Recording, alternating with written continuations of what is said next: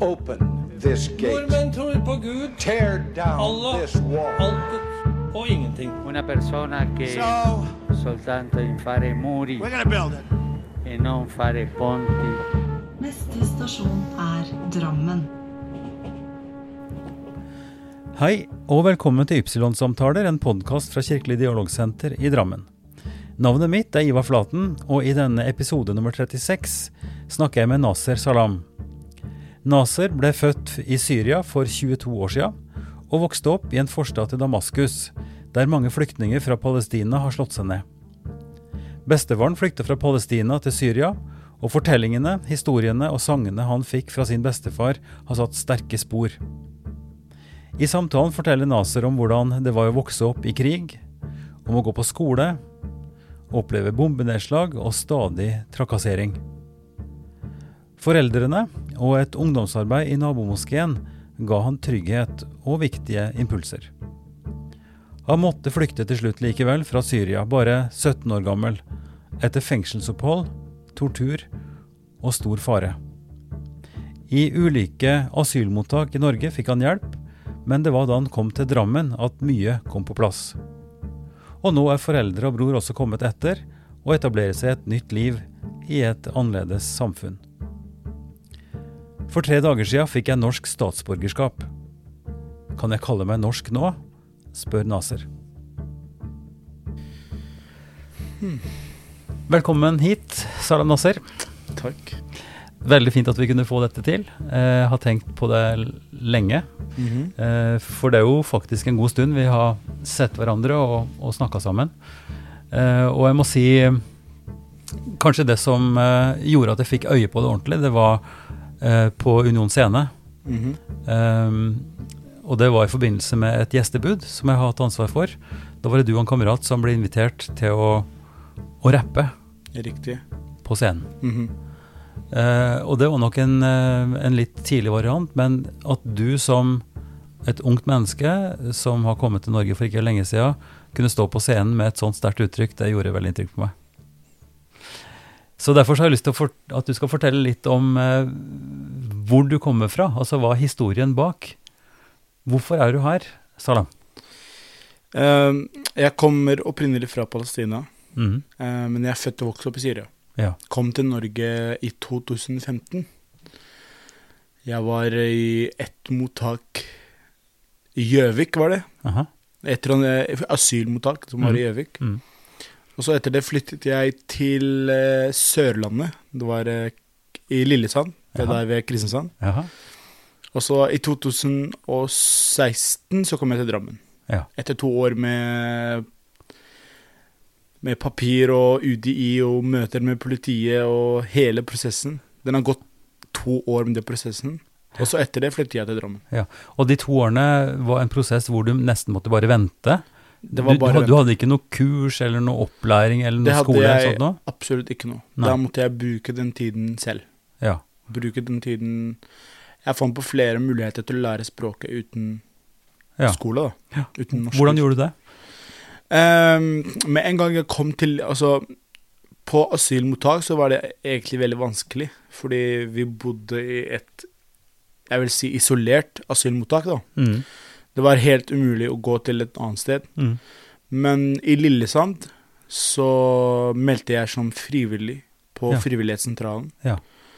Og der begynte jeg å få kontakter med andre. Ja. Jeg gikk til en barnehage, fikk en praksis Ja. i barnehage. Eh, jobbet med Røde Kors. Mm. Og da begynte jeg også å tolke for nye flyktninger i, på mottaket. Ja. Ikke sant? Den her, den kontakten, Ja. erfaringen jeg Ja, fikk derfra. Men Salam, du, eh, du kom ut til Norge som et veldig ungt menneske. Hvor gammel var du da du kom? Jeg var eh, 17. Og det er jo ganske, det er jo ganske, ganske ungt. Hvordan kunne du som 17-åring fortelle om hva som skjedde? For du bodde da i Damaskus. Riktig. Ja. Eh, hva skjedde i Damaskus? Altså, forholdet til å være ungt, det har jeg aldri følt meg. Jeg har aldri følt meg at jeg er ung. Du har aldri følt deg ung? Nei, jeg, jeg, jeg føler barn som vokser opp i et krig, de, de, de, de, de, de, de lever ikke et ungt liv, vil jeg Nei. si. Nei. Jeg ble spurt for det her på skolen, hvordan er det å være ung? Det har jeg aldri følt. Hæ. Jeg er bare, som sagt, barnet som Jeg har vokst opp etter krig. Og der man blir voksen Hvor gammel var du når krigen starta? For krigen begynte på en måte litt i 2009, eller noe sånt? ja, da? jeg, var, eh, altså jeg er født i 98, da. Så det vil si jeg var tolv år. ja. Ja, det Hvordan følte du krigen? Eh, Når du sier at du vokste opp i krig, hva var det som Mm. gjorde at du kjente at det var krig i landet? Når du hører naboen din bli drept, Hæ. når du ser bomber som kommer til gata, når, du, når det kommer en bombe rett ved siden av deg, et, en bygg som på veien til skole, Ja. når du ser folk gråter, når du hører lyder, når du hører krig flyr og sånn. Ja. Man, man, man, føler krig, da. Ja, Man ja. ser jo Og dette følte du helt fra du var tolv år gammel? Ja, Det var absolutt det. Eh, det var ikke Altså Folk tror når du hører et barn som lever under krig, folk tenker liksom at, uh, at vi tenker på det hele Mm. tida. Mm. Men vi, egentlig vi gjør ikke det. Nei. Vi ble Jeg ble, spilte fotball, det er en bombe som kom rett ved siden av oss. Vi måtte bare sjekke om noen døde. Alt går bra. Så begynte vi å spille etterpå. Hm. Fordi vi har ikke noe valg. Vi kan ikke bare sitte noe fast hjemme. Det er en krig som har vært i ti år nå. Ja. Og hvis vi er barn, vi, vi vil bare spille. Ja. Ikke sant? Ja. Så vi, jeg, det var ikke et ungt liv i det hele tatt. Når du ser døden rett ved siden av deg, og du bryr deg ikke, du vil bare kose deg. ja. Her føler jeg det ligger mer ansvarlig enn å være bare ung. Mm. Ja. Fordi når du da var ute med kamerater, eh, gikk på skolen eh, Var det skole helt til du var 17?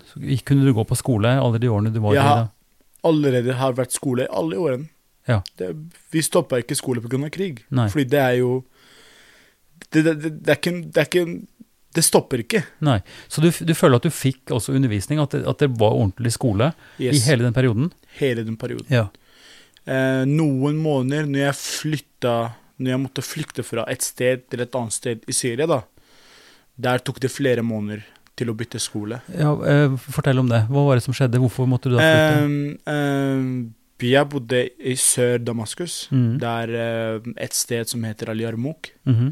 Det stedet her Alle palestinere som har flykta for mange, mange år siden Ja. fra, fra Palestina, det bodde på det stedet. Ja. Det var en veldig populær sted, mm. og det var veldig kjent på at palestinere bodde der. Mm. Men vi hadde flere syrere og irakere. Det er fra alle nasjonaliteter. Ja. Og det var flere konflikter og borgerkriger mm. utenfor byen. Mhm. Men den byen spesielt, og Damaskus, det var at folk kan leve i.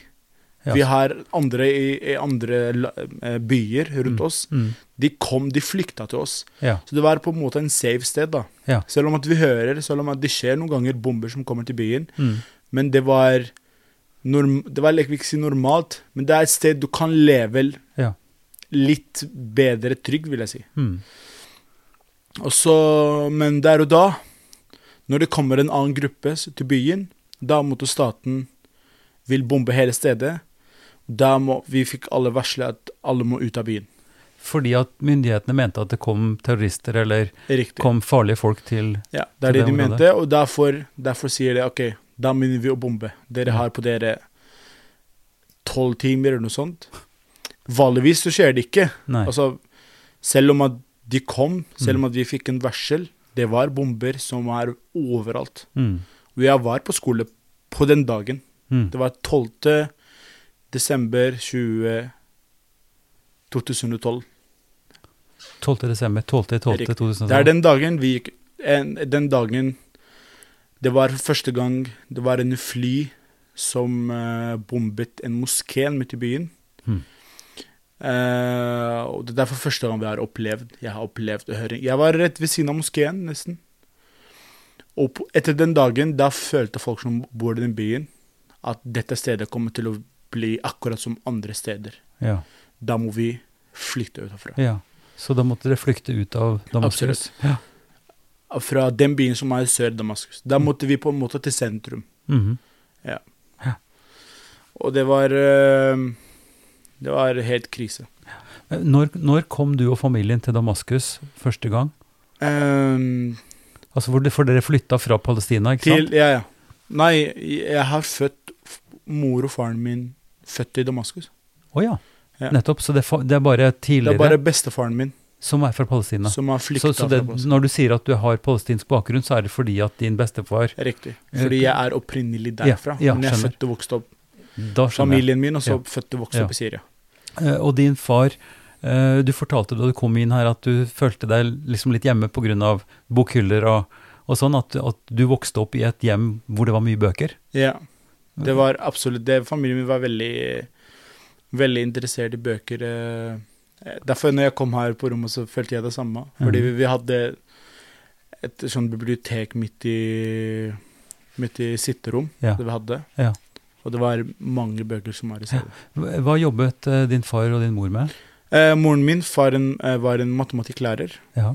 eh, og faren min var en ingeniør. Ja. Og jobbet med, ja, med hus, bygning og sånn. Ja. Så hvordan eh, vil du si altså de første tolv årene da, av barndommen din, eh, hva, eh, hva drev dere med? Altså, hadde dere noe regelmessig kontakt med noe trossamfunn og moské, eller hvordan var livet liksom eh, som barn? Absolutt det. Eh, jeg bodde rett ved siden av moskeen, mm.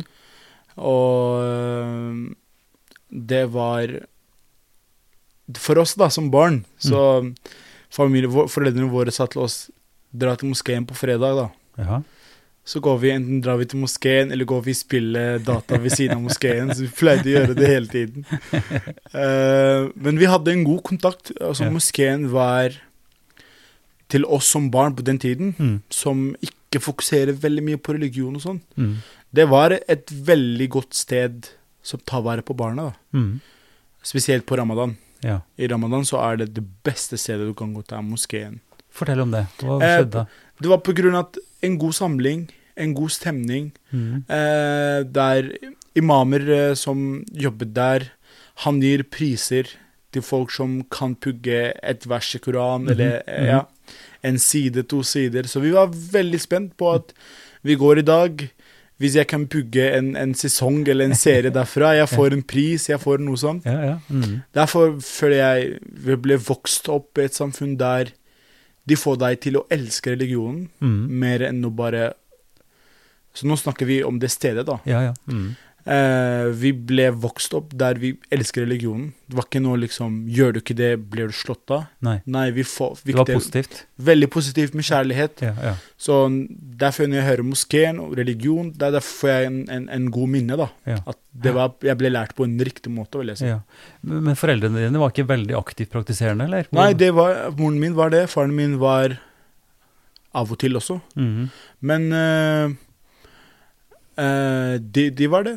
De var som, ikke som andre, men de var vanlige. Ja, Det er de som praktiserer. Sånn. ja, ja. Mm.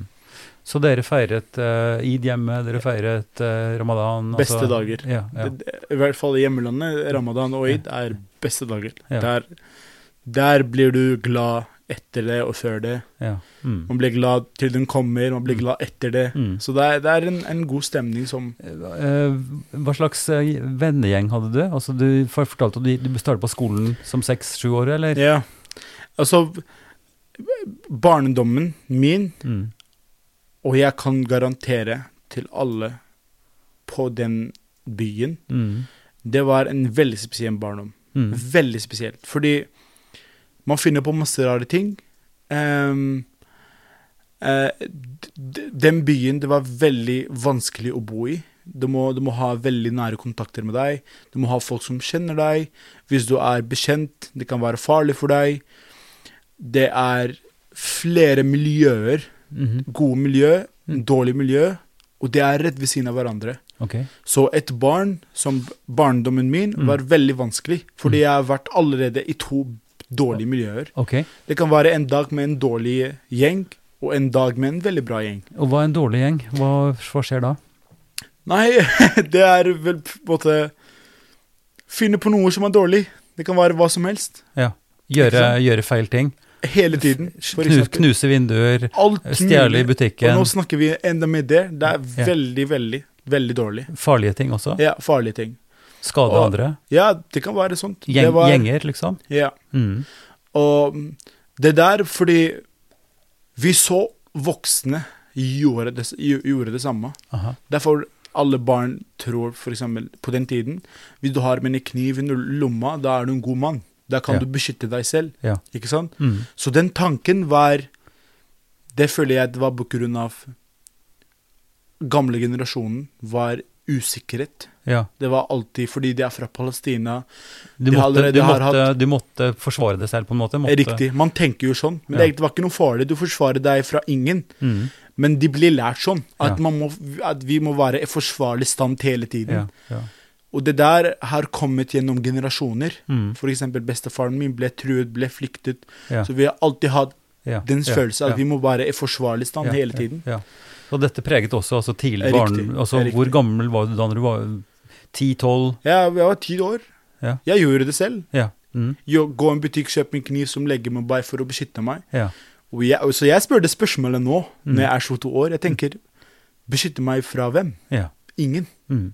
Ikke sant? Men er det, ikke noe, er det ikke litt av noe av det samme vi kan se også nå i Drammen i vår Ja, tid? At det er ungdomsmiljøer som har en slags idé om at det er tøft å skulle ha våpen, at, det, at man skal liksom lage gjenger for å slåss med andre. Riktig. Eh, hvorfor, liksom?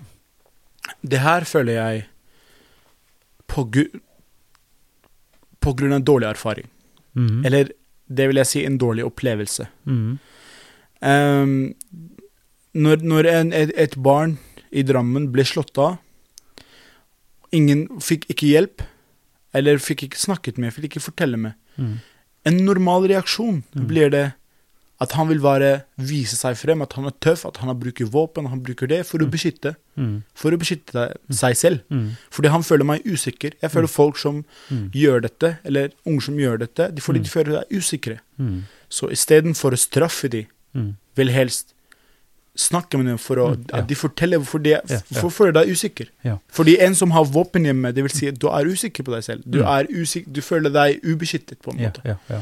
Og det har ikke eh, det samme mm. problemet der i hjemlandet. Og, og, og fordi du sa, Før du begynte å snakke om dette, så sa du at du hadde en fantastisk bak, eh, barndom. At det var begge deler. Riktig. Altså du, du hadde på en måte to muligheter, eller det var, du, du var prega av to sider. Absolutt. Og hvis du skal beskrive den Nå har du sagt litt om den dårlige. Ja. Hvis du skal si noe om den gode, hva var det for noe? Om den gode, så var jeg eh, Foreldrene mine har eh, satt oss på en eh, Hva vil jeg si? Akkurat, la oss si, som Forandringshuset i Drammen. Mhm. Vi har hatt akkurat det samme senteret der, Mhm. som, laget, eh, som la, læret oss mye info om Palestina, Mhm. om det landet vi kommer fra. Mhm. Det har lært oss hvordan kan vi skrive dikt Mhm. for Palestina. Det har lært oss hvordan vi kan danse en kulturisk dans. Mm. Eh, alt som gjelder noe poetry. Mm. Der, på det stedet jeg er fra nå, jeg kan tekst. Jeg har lært fra det stedet der. Ja. Og der på en måte har du en gjeng med venner mm. med samme konsept. Ja. Alle vil lære nye ting. Ja. Derfor setter jeg det veldig pris på foreldrene mine. At de så det problemet. De så hvordan Hvis du ikke tar vare på barnet ditt Ja. Et barn kan ikke velge en riktig vei, på en måte. Nei. Du må ha hjelp av foreldre som Absolutt. kan styre og, og gi råd. Og det er absolutt Foreldrene våre har styrt oss. Mm. Mestdagene, parten av dagen min er jeg på det senteret, mm. eksempel. Når jeg går på skole, så jeg ser jeg et dårlig gjeng, da. Jeg, vil Mm, si det. jeg, jeg ser den andre veien, Ja. men jeg følte meg selv på den riktige veien, mm. og det er normalt.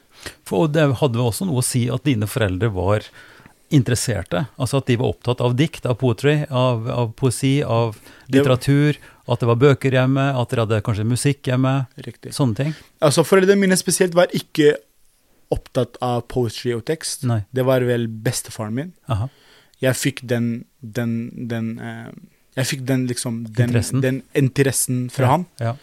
Uh, Fordi siden jeg var barn, uh, han kom til meg, hentet meg, eller moren min sendte meg til han. Mhm.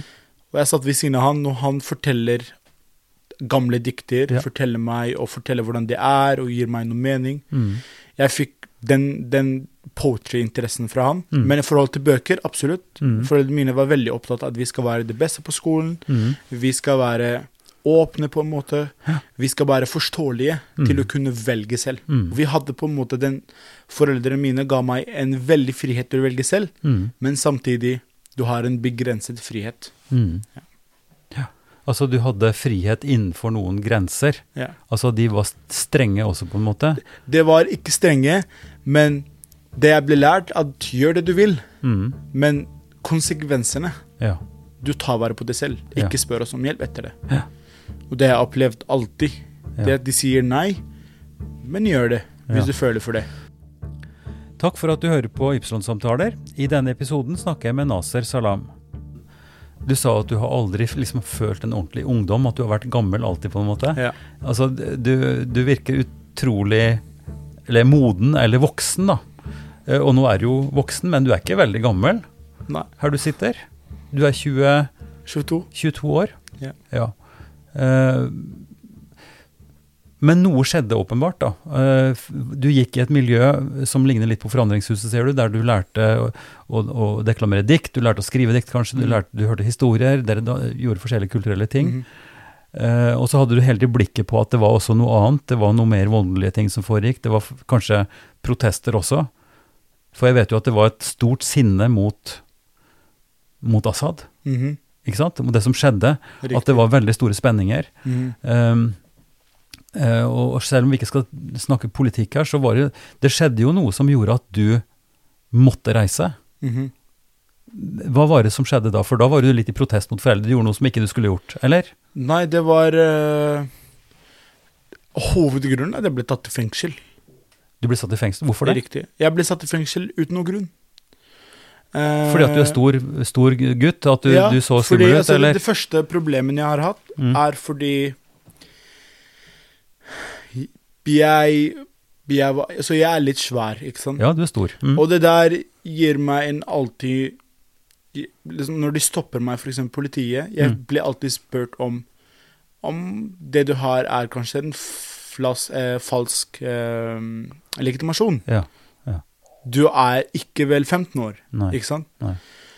Men På den dagen spesielt så hadde jeg Jeg var veldig interessert i kameratelefoner. Jeg hadde både PC-en min eh, i senga, eh, i sekken, Mm. og så hadde jeg med kamera.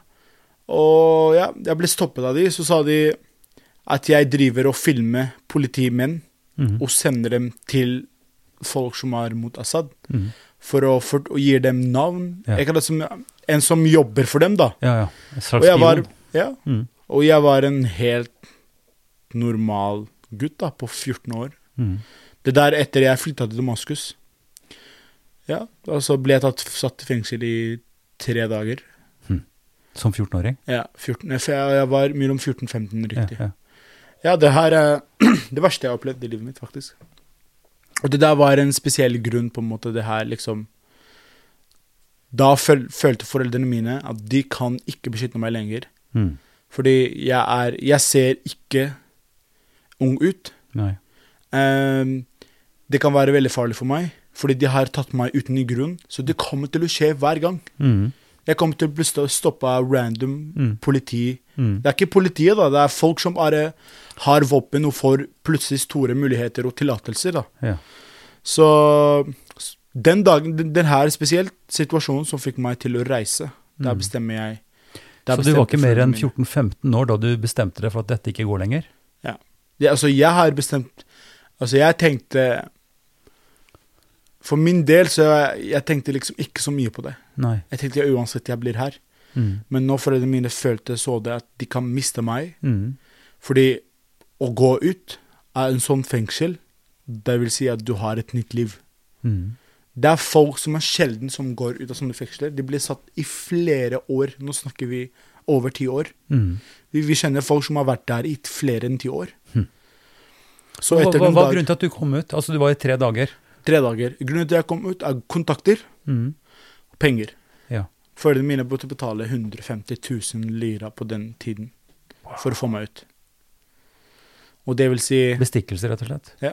det var, det var ikke noe grunn til å ta meg fengsel. Jeg har ikke gjort noe feil. Jeg har vel ikke gjort noe. Jeg skulle, det var siste dagen på skolen. Jeg skulle gå med mine venner der, bli kjent og spise mat og sånn. Mm. Det var det, det var det jeg hadde fokuset. Ja. Men så ble ja, Så plutselig skjer noe som forandrer hele livet mitt. Ja. Der, nå må jeg gjøre det. Nå, Så de du ble, du ble slått? Jeg banka? ble slått med rare ting. Jeg har Altså, jeg føler meg bare heldig. Jeg, er, jeg, jeg tenker ikke på at liksom Åh, jeg ble slått, jeg gjorde sånn. Jeg tenker mer på Jeg er ute nå. Ja. Er Du vil ikke tenke på det, kanskje? Altså, jeg har tenkt på det. Jeg har gått dypere om det. Jeg har skrevet mye om det. Ja. Det er ikke noe problem å snakke Nei, om det. nei, nei. Men det jeg Du ble, føler du ble tor torturert, for de ville ha svar fra deg, eller hva var det de de, tenkte? de, de, de Ikke bare det. Um, de vil at jeg skal svare på de spørsmålene de vil høre fra meg. Mm. Det vil si, de vil høre noe svar som jeg ikke har gjort. For eksempel, ja. Jeg måtte si til slutt er jeg, jeg tok bilde av politimannen bare for at de skal stoppe å slå meg. Ikke sant? Ja. Det, det er sånn det er, det er syke ting som man hører kanskje på gamle historier, Ja. men man glemmer at det skjer noe sånt i Syria. Mm. Og det er helt krise. Ja. Det jeg hørte folk som Jeg hørte unge jenter, jeg hørte barn som kan være En eldre menn som kan være. Men så føler jeg at jeg er bare heldig. At Mm. jeg At jeg At jeg at liksom At jeg fikk et nytt liv, på Ja, en måte. ja, ja. Vi, vi bruker et uttrykk. Å gå ut fra det fengselet er jo som å ha et nytt liv. ja. ja. Men da måtte du gjøre noe. Da kunne du ikke fortsette å være i Nei, Syria. Det ble krig Altså, etter, etter det Da var jeg ett år etter fengselet. Mm. Etter en uke så fortsatte jeg eh, Nei, etter en måned gikk jeg på skole igjen. Hm. Ikke sant? Er ikke, jeg, jeg satt ikke helt flere år hjemme. Nei. Jeg, jeg starta på skolen igjen. Ikke noe Ingenting plaget meg, på en måte. Ja. Etter en måned, tror jeg, så begynte jeg på skole igjen. Og der og da skjedde en ny episode der jeg ble tatt, men ikke i fengsel. Og der ikke sant, ble jeg tatt for en, eh, en som hadde dårlig dag, bare for å ta noen. Ja. Og så sa han nei, dra, vil ikke ha deg lenger, liksom. Mm. sånt. Og da tenkte jeg dette går ikke med, liksom. Mm. De stopper meg for ikke noe grunn. Mm. Og det her er ikke bare jeg har opplevd. Nå snakker vi om flere millioner som har opplevd det. Mm. Og da tenkte jeg enten dør jeg med en eh, random bombe, Mm. eller dør jeg i fengselet. Mm.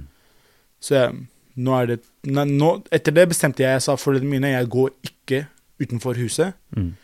til jeg må bare reise ut derfra. Og da så det familien min, fordi jeg har alltid nektet. De sa alltid til meg du må reise, du må reise, la oss finne noen til å reise. Og jeg nektet alltid. Ja.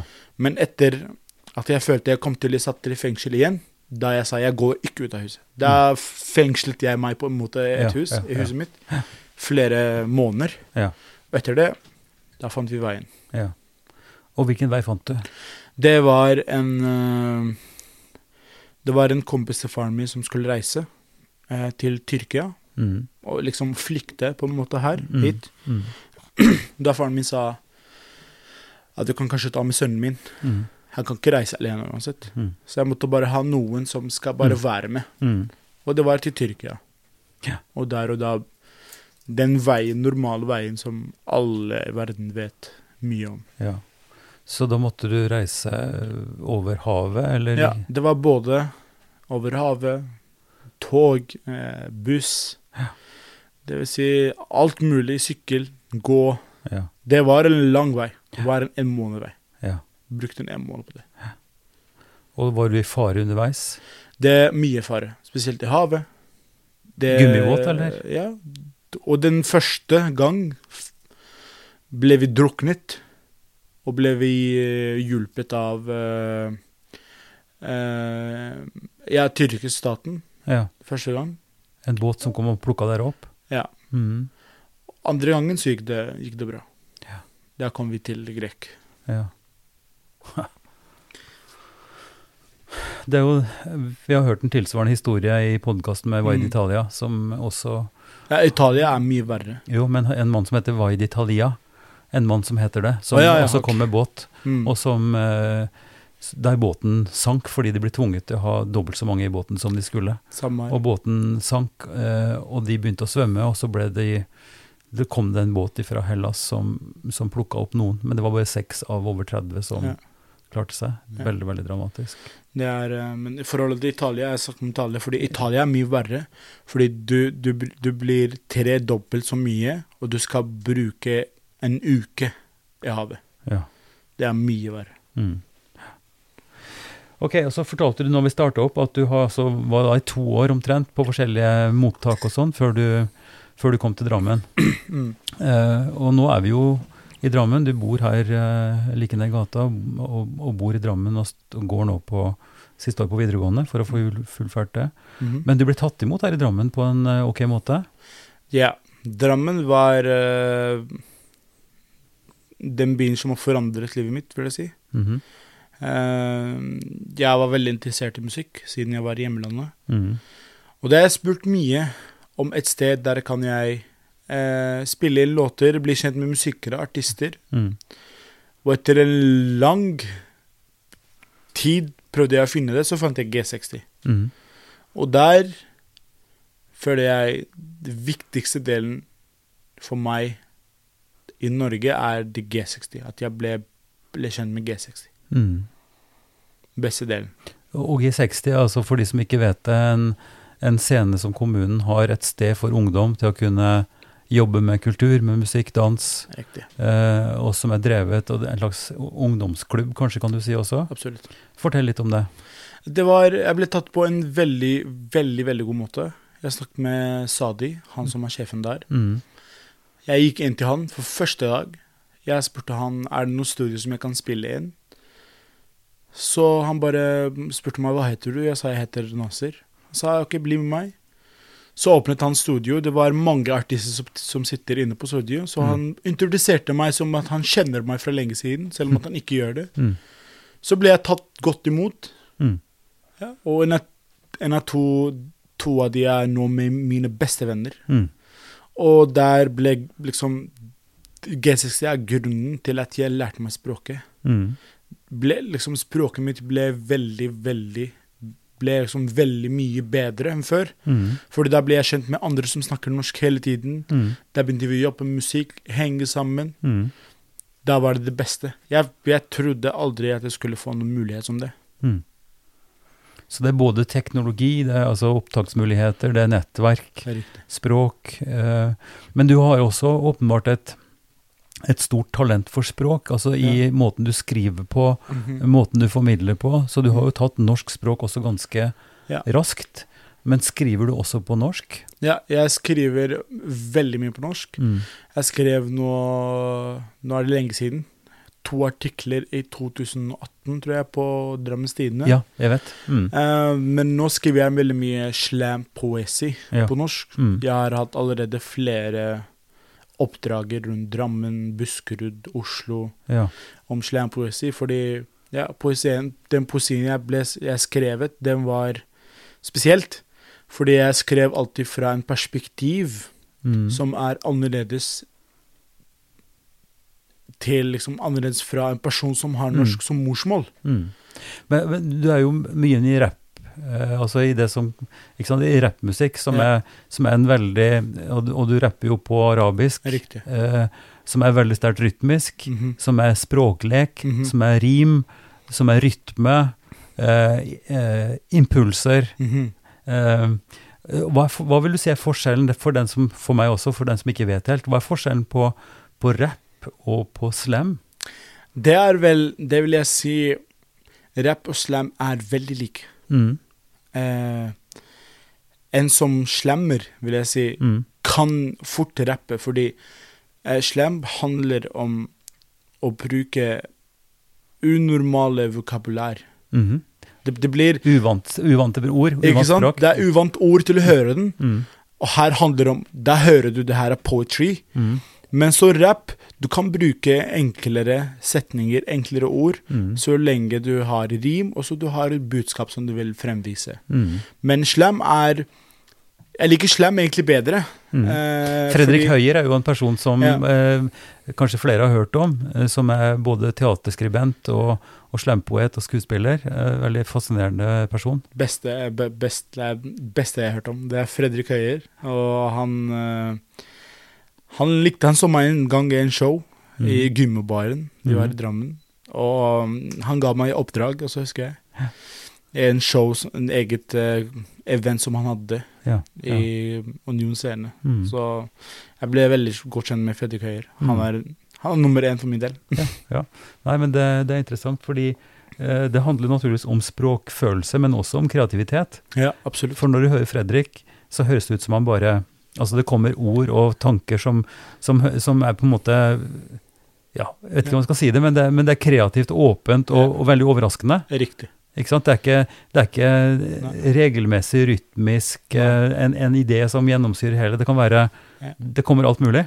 Det er det som er best med slam, at du må ha en, en så bra introduksjon og en veldig interessant avslutning. Mm. Så for min del, å skrive slam blir det Jeg må være veldig nøye, veldig detaljerende, og så Mm. i tillegg til jeg må ha en, et, et historie, for det, for det meste slam funker det mest som en historie, Mm. og et sted som du kan uttrykke følelser. Mm. Rap handler om noe annet, så lenge det er rim. Men også det som gjør meg spesielt som en artist på arabisk, at jeg blander begge to. Mhm. Jeg bruker vanskelig vokabulær Mm. og et, eh, en veldig kreativ budskap, Mm. og fremviser jeg det, fremfører jeg det på rap. Mm. Så jeg gjør på en måte en slam-poesi, Ja. blander det sammen med rappmusikken min. Ja. Altså, nå vet jo eh, Nasser at du har eh, publisert mye, og du har en, en kanal eh, på sosiale medier som Mhm. blir fulgt av veldig mange i Midtøsten. Eh, når når starta du å publisere, og hvordan starta den prosessen at du begynte å, å, å, å, rappe og slemme på arabisk, og har bygd opp den eh, kretsen som du nå har? Eh, jeg starta før egentlig hjemlandet. Jeg spilte to låter som jeg la ut på SoundCloud. Det var i 2015, tror jeg. Mhm. Eh, men så vi kunne ikke legge ut. Det var, det var nesten ulovlig.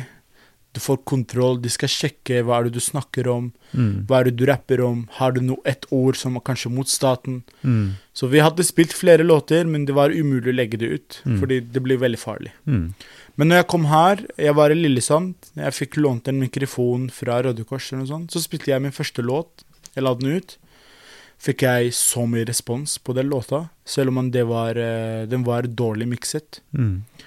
Og mm, etter det, det er liksom jeg har, jeg har lagt ut flere videoer, fordi jeg, had, jeg hadde ikke noe utstyr der jeg kan spille, spille inn låter. Nei. Og så etter det kom prosessen. Der og da ble jeg kjent på G60 Mm.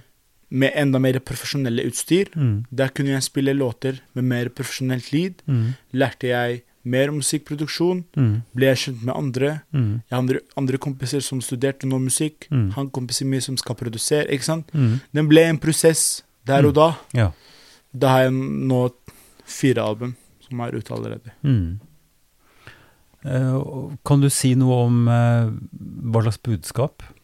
Det har, altså, jeg ble spurt veldig mye om budskap Mm. om rappen min. Um, jeg vil ikke Jeg vil helst ikke bruke budskap, Nei. men jeg, jeg er veldig opptatt av å dele mine opplevelser. Mm. Uh, jeg bare deler. Mm. Så neste albumet mitt kommer til å hete 'Å fortelle gjør deg bedre'. Ja. Det jeg gjør, er bare å fortelle. Mm. Jeg har Altså, jeg føler den kommer uansett unaturlig budskap. Mm. Fordi når du forteller om dine opplevelser, Mm. det her er også et budskap Ja, ja. som folk hører det. Mm. Og jeg bare forteller. Jeg, jeg, jeg er en, Jobben min, eller min kunst, er å fortelle. Mm. Jeg har flere låter om fortelleting, om forskjellige ting. Jeg, jeg har en låt som jeg forteller f.eks. om bestefaren min. Mm. Jeg har et album som forteller om reisen min, Mm. om flukttiden. Mm. Jeg har et album som forteller hvordan jeg, hvordan, hvilken personlighet jeg hadde da jeg var i byen min. Mm. Jeg har et album som forteller om hvordan jeg er det nå. Mm. Jeg har et album som forteller hvordan jeg var før, hvordan jeg er nå, Mm. Mm. Så derfor mus De som hører på meg, de vet 100% hvem jeg er. Fordi jeg har vært ærlig i Ja, alle mine ja. låter. Mm. Og de, de forstår, og de hører hvem jeg er. De hører hva jeg opplever, de hører hva jeg føler. Mm. Ja. Takk for at du hører på Ypsilon-samtaler. I denne episoden snakker jeg med Naser Salam. Du sier altså det, det på en måte tematiske album der du, der du, har der du forteller om reisen din. Eh, dette er på arabisk, stort sett. Ja. Eh, hva tenker du om eh, formidling? Altså fordi eh, Da kanskje vi kan pense litt over på, på et øyeblikk over på det som skjedde Altså din opplevelse av å komme fra et krigsrammet land, Mm. en dramatisk reise hvor du måtte ja, løse mange, mange problemer, der du overlevde, kom hit, ble tatt imot på en ålreit måte. Mm. Um, hvordan, hvordan er det å være syrisk mann, syrisk gutt, Mm. arabisktalende kunstner eh, i et norsk system? Mhm. Altså Føler du at det er eh, Er vi i stand til å forstå, eller hvordan opplever du I og med at du, du beskriver at du kan fortelle historier om hvordan det er Mm. å være Nasser. Hvordan er det å være Nasser nå? Um, I forholdet til norsk system så føler jeg at det er vel mange som vil høre. Mange som vil høre en historie som meg. Det er Mm. mange som vil høre andre historier. Men eh, jeg ble tatt godt imot Mm. i, for, i forholdet til historie og musikken min. Mm. Jeg fikk en veldig god oppmerksomhet. Mm. Eh, for, også I tillegg til eh, Jeg var ikke sånn veldig Jeg er ikke veldig mye opptatt av å være norsk. Nei. Jeg kjenner jo mange som er De presser seg selv om å være norsk. Mhm. Men sannheten at du er ikke norsk. For eksempel meg, jeg er ikke født her. Det eneste tilkny- tilknytning som jeg har til Norge, er fordi Norge har tatt vare på meg. Mm. Det her ga meg et bra sted, et Mm. bedre liv til å leve. Mm. Så det, på en måte, jeg er veldig lojal til det norske samfunnet. Jeg er veldig lojal til landet også. Mm. Men jeg må ikke være norsk. Men jeg er allerede en del av samfunnet. Mm. Så føler jeg jeg har min identitet. Men, men eh, stopp litt på det, fordi du fortalte med stor glede da vi Mm. møttes nå i dag, at du nettopp har fått norsk statsborgerskap. Riktig. Så nå har du et rødt plass. Du Ja. har, du har den norske staten i ryggen som vil ta vare på deg. Du har blitt norsk Absolutt. per definisjon, ikke sant? På, def, på, på, på, definisjonen til papir, vil jeg si. Ja, Papirdefinisjon, ja, så ja, er jeg det. Ja, ja. Men mitt poeng er bare å si noe om at ja, det er veldig mange som deg som har norsk statsborgerskap, Mm. men som har sine røtter og sin identitet, sin Mm. oppvekst, sin kultur, fra faktisk 150 Riktig. ulike nasjoner, sier vi nå i Drammen, ikke sant? Eh, Men, men det betyr jo at, at det norske også må defineres på en annen måte. Ja. Det er, det er på en måte litt av det som jeg prøver å jobbe med hele tida. Å forstå hvordan det er å være norsk i en sammenheng hvor vi er norske på så utrolig mange måter. Ja. Sånn at istedenfor å si at du ikke er norsk, så vil jeg si at du er per definisjon nå en del av det norske samfunnet. Med, din, med ditt språk, med din lyrikk, med dine, dine erfaringer. Eh, Så spørsmålet mitt er kanskje litt upresist, men det handler jo om hvordan det er å leve som Nasser. Med hele den pakka som du er og har, ikke sant? i et Mm. system Mm. som nå skal ta vare på oss samtlige. For mange er redde. Mange Ja. sier at det kommer for mange. Det, kommer for det blir for mye Ja. uh, skurr. Det blir for mye mange rare ting som Det er ikke norsk lenger, sier vi. Ja. Jo, vi er norske, men vi er norsk på en annen måte. Ja. Skjønner du? Jeg, for, jeg, jeg, jeg, forstår det, Mm. men uh, jeg føler uh, uh, jeg, jeg føler ikke kanskje jeg blir mye Altså, jeg føler ikke jeg tør å si at jeg er norsk. Jeg tør ikke gjøre det. Fordi Fordi jeg er Fordi det, det blir kanskje hardt å akseptere meg og si at jeg er norsk. Det, det, det kan være Fordi jeg kan ikke snakke norsk 100% for eksempel. Ehm, altså det, hvor, hvor godt skal du snakke, da, før, før du snakker godt nok norsk? jeg Det er tusen forskjellige dialekter. Det er alle slags varianter av uh, kvasi-norsk uh, slang. Og så kanskje fordi jeg er redd å ikke bli akseptert. Mhm. Det kan være det grunnen. Det føler jeg er alle grunner. Liksom Så, så du, du, du, sier, du sier ikke at du ikke er norsk fordi du tar avstand, Nei, jeg tar ikke avstand. men du sier at du ikke er norsk fordi du er ikke sikker på at du blir akseptert? Riktig. Så som sagt, i forholdet til papirdefinisjon så er jeg det nå. Ja. Men jeg kan aldri være et La oss si en jobbsamling, da. Med alle som er norske. La oss si det. Og så, og så spør de meg Første de kommer til å spørre meg, er jo hvor jeg kommer fra. Fordi de ser jo tydelig Nei, men det er jo sant. Det er ikke, ja. Det er ikke rasistisk. Nei. Jeg Nei. føler det. Jeg føler Det er ikke rasistisk å spørre om Nei. hvor jeg kommer fra, fordi du ser at jeg ser annerledes enn andre her. Så det er normalt å spørre om hvor jeg kommer fra. Ja, Men det er, ikke, det er ikke så lett å svare på spørsmålet hvis du Nei. har besteforeldre som flytta hit. Det, Og du har bodd her i to generasjoner, og du er brun, og så blir du spurt hvor er du fra. Du kan ikke si Harstad da, vet du. Nei. Nei jeg, så jeg føler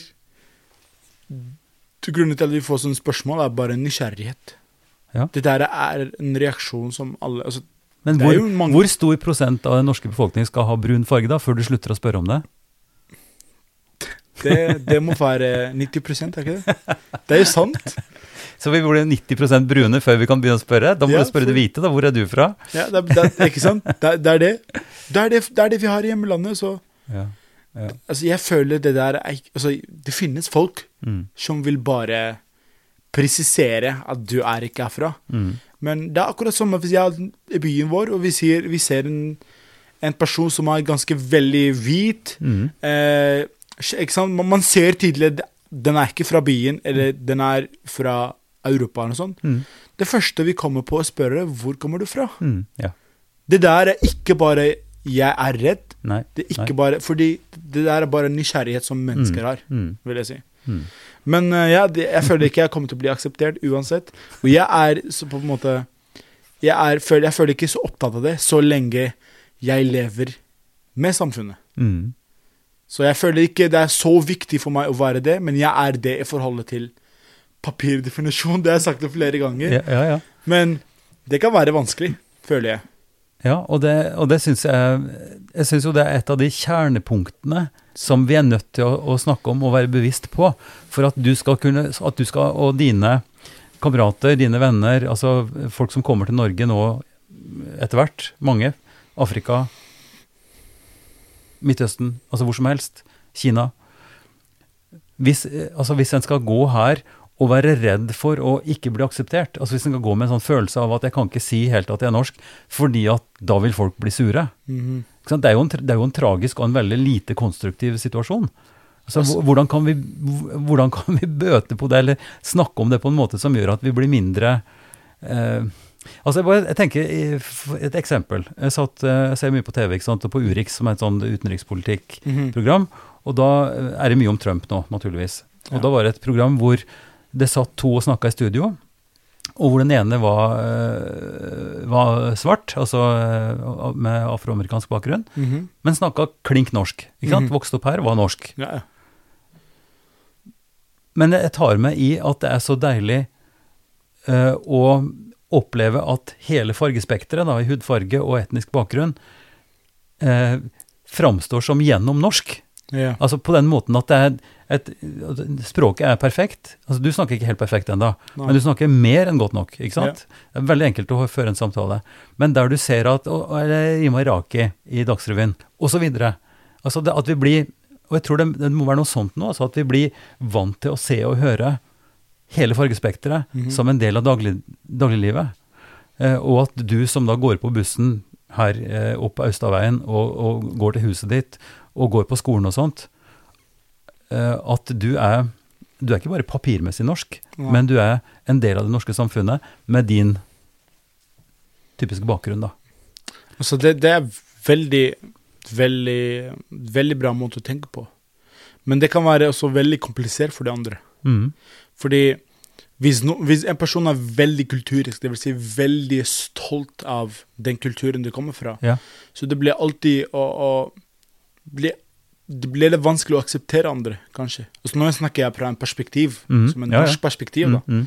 Det blir på en måte vanskelig for dem. Fordi de, de, ble, de, de definerer jo folk fra Det kan være hudfarge, og det kan være på måten de snakker, og hvordan de snakker. Mm.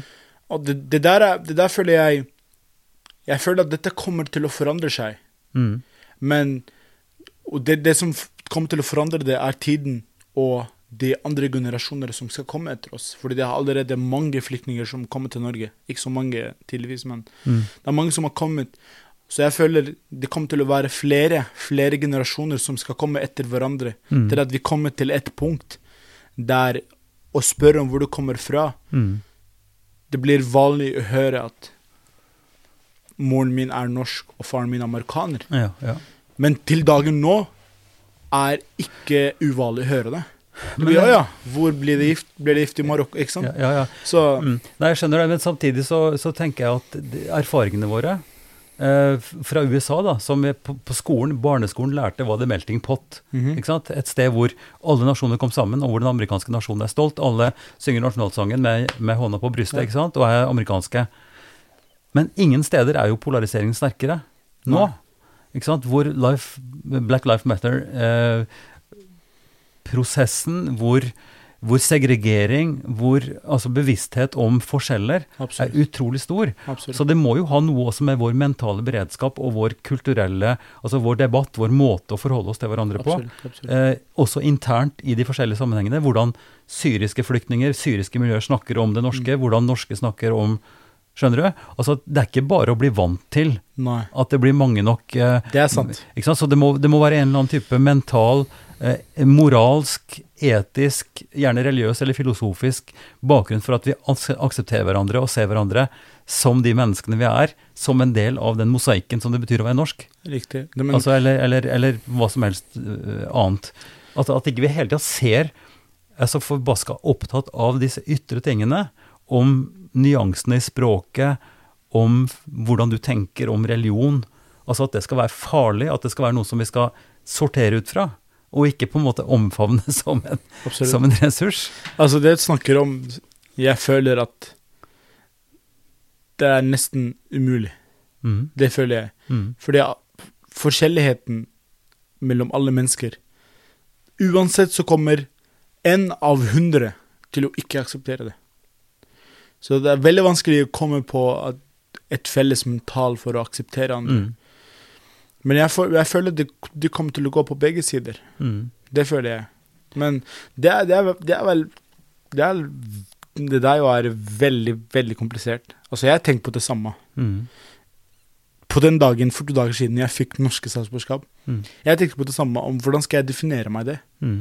Men samtidig så tenkte jeg Jeg vil ikke at papir skal definere meg. Nei. Fordi papir er det siste jeg skal tenke på. Mhm, Men jeg føler meg hvis jeg reiser nå til Tyskland, eller Mm. til et annet sted mm, Jeg kommer til å definere meg 100% som norsk. mm, Fordi den kulturen er annerledes enn meg. mm. Jeg må ha en kultur for å vise meg selv. Fordi Mhm. det eneste papiret jeg har nå, bevis at jeg er norsk. Jeg har ikke noe bevis et annet sted. Nei. Men det blir vanskelig her i Norge, fordi folk hører meg, Mm. de ser meg tidlig, og det blir Ja. Men, men du, Nasser, er jo den personen som er definert av din bestefar, Ja. av din oppvekst, av de erfaringene du har gjort deg fram til livet nå. Du er 22 år gammel. Absolutt. Eh, du skal etablere og videreføre et liv, enten her eller hvor som helst ellers i verden, med, med de mulighetene og det som du møter. Mhm. Så livet vårt er jo Det er ikke én identitet. Nei, Altså, vi er jo mange forskjellige ting samtidig. 100 Eh, Enver Juliman, en god venn som nettopp døde, dessverre, han eh, kom som flyktning fra Bosnia. Og i samtalen jeg hadde med han her i, i, i podkasten, så sa han at vi skal være forsiktige med identitetene våre. Nei, riktig. Og med det mener han å si at vi kan ikke bare framheve én ting og si at vi er det. Nei. For jeg er bestefar, jeg er far, jeg er ektemann, jeg kommer fra Trøndelag, Mm. jeg er prest, Ja. ikke sant? jeg er musikkinteressert, jeg er interessert i litteratur, jeg er interessert i å snakke med folk. Mhm. Hvem er jeg? Jeg er en ganske kompleks ting av mange forskjellige ting. Og det er det vi også må tenke på. Og det, det du må være både stolt og glad og, og ja, virkelig stolt av det du har fått så langt i livet, og hva du har gjort så langt. Men livet er jo foran oss. Og derfor så mener jeg det betyr også veldig mye hvordan vi både tenker og snakker eh, og, og forholder oss til, eh, til alle disse komplekse tingene. At ikke vi blir for enkle i hodet. Ikke sant? Og begrenser oss sjøl. Mhm. Eh, altså, et rødt pass betyr jo ikke at du er én ting. Nei. Et rødt pass betyr million ting. Um, vi skal gå mot slutten her, men jeg har lyst til at du skal si litt om Altså, du sier jo at du er, har vært voksen hele tida, og du, du måtte kanskje også være ekstra voksen nå når dine foreldre og, og din bror Mhm. kom til Norge. Riktig. For det er ikke så veldig lenge siden. Det er noen år siden nå. Ja, Tre, to og siden. Da måtte du være på en måte den store i familien, måtte du ikke? Absolutt. Fortell om det. Eh, når jeg var i hjemlandet, så var Hadde ikke så mye ansvar. Men jeg hadde mental ansvar. Mm. Det, det, er, det er, føler jeg er mye verre enn en fysisk ansvar, hvis Mm. mener. Mm. Men eh, når jeg kom til Norge, så, så foreldrene mine jeg, Når jeg kom til Norge, så klarte jeg å etablere meg. Jeg klarte å snakke norsk og Mm. forstå norske system. Mm. Men når foreldrene mine kom til Norge, det var van vanskelig for dem å gå over det første steget. Mm. Men jeg har allerede gått over de. Mm. Så jeg må være den voksen Mm. som skal ta vare på alle. Mm. Nå gjør jeg ikke det lenger akkurat nå. Nei. Fordi de, foreldrene mine er veldig flinke. De har gått over dette. De klarer seg veldig bra nå. Mm. Men i starten var det veldig vanskelig. Jeg måtte være som tolk, Mm. som pappa og Mm. mamma. Mm. Ikke sant? Jeg måtte være den, den som skal ta vare på hele familien samtidig. Mm. Det er også også veldig, veldig spesielt for meg Mm. at, uh, at nå foreldrene mine har tatt vare på meg. Nå er det min tid å ta vare på de, da. Mm. Og føler, og jeg føler som en som en 22-åring å ha det mentale at jeg må ta vare på foreldrene mine, det er jo sjeldent Mm. du ser her på det ungdommer som var på alderen min, da. Ja, ja. Mm. Kanskje de siste de tenker på, er å ta vare på foreldrene. Mm. Men jeg er jo Når jeg har Når jeg har mistet foreldrene mine, det vil si når jeg reiste, her, når jeg reiste hit til Norge, så følte jeg Hvordan er det å være uten far og mor? Mm. Ja. Mm. Følte jeg at når jeg var i hjemlandet, jeg satt ikke så mye pris på de. Nei. Og det er jo normalt. Ja. Det er en normal reaksjon fra mennesker. Ja. Når du mister noe, så føler du, Ja. føler du hvor verdig det du mista. Mm. Så derfor, når de kom hit, da måtte jeg ta vare på de. Og jeg skal gjøre det til evigheten. Det der er, det der er noe jeg skal bare ha med meg hele livet. Ja, For det er jo noe som vi blir Nå er min mor 90 år gammel, Mm. og hun bor i Oppdal, og søster bor der og sånn, men, men det, er jo, det normale er jo at når man blir, som meg da, 65 år, da Mm. begynner man å tenke på at foreldrene er gamle, hvis man lever? At, men du har, har den følelsen fra veldig tidlig av, som er en, tenker jeg, en, en god ting, og særlig når det da går bra, at de også klarer seg Ja. fint, så kan du kanskje leve et friere liv også Ja. nå i en uh, periode, forhåpentligvis. Jeg føler at uansett, jeg føler friheten min blir aldri begrenset når jeg tar vare på foreldrene mine. Nei? Fordi jeg setter dem som en, en del av friheten min også. Mm. Ehm, hva tenker du om, eh, om relasjonen din nå til, eh, til Syria? Um, altså, jeg sier at selv om at det kan være en fred, og hvis jeg får en bevis fra staten på at Nasser, du er velkommen, jeg kommer aldri tilbake. Nei. Det der er noe jeg har bestemt meg til, ja, til jeg dør. Ja. Så jeg skal aldri tilbake, selv om det kan være etter 20 år, det kan være helt annet liv. Det skal jeg ikke gjøre. Fordi jeg føler her fant jeg friheten min. Her jeg kan jeg uttrykke meg. Altså her kan jeg gjøre alt jeg vil. Her i landet, hvis jeg jobber, så tjener jeg. Hvis jeg ikke jobber, så gjør jeg ikke det. Mm. Her ble jeg, se, ble jeg liksom sett på min talent, mine resultater. Der hadde jeg helt annet liv. Der må du ha en venn som jobber, eller ja, det vil jeg si. Du må ha en som du kjenner i politiet, som skal fikse deg nesten alt. Mm. Og så enten kommer du fra en rik familie for å etablere deg for å komme videre. Der kan du ikke uttrykke deg. Du har ikke frihet. Du kan ikke gjøre noe. Ikke sant? Så hvorfor skal jeg tenke på Jeg føler den som beskriver meg, er de folk som er rundt meg. Mm. Men områder er det siste jeg tenker på. Mm. Jeg føler hjemmelandet, der er de folka jeg elsker, er rundt meg. Mm. Jeg føler der er det nok. Selv om at jeg har mange sider som jeg har en god relasjon til. Mm. Men jeg føler når de kommer hit på en måte, så kommer jeg til å Ja, jeg føler hjemmelandet for meg er der mennesker som jeg liker å være med de, der er hjemmelandet. Mm. Jeg, jeg vil nesten ikke relatere meg så mye til områder. Strand Nasser, tusen takk for en flott samtale. Bare, det var veldig, veldig godt å snakke med deg. Lykke til videre. Takk. Takk for at du lytter. Mer informasjon om oss og hva vi holder på med, det finner du på www.ypsilonsamtaler.no. Der vil du òg finne en kort presentasjon av alle samtalepartnere og lenke til episodene.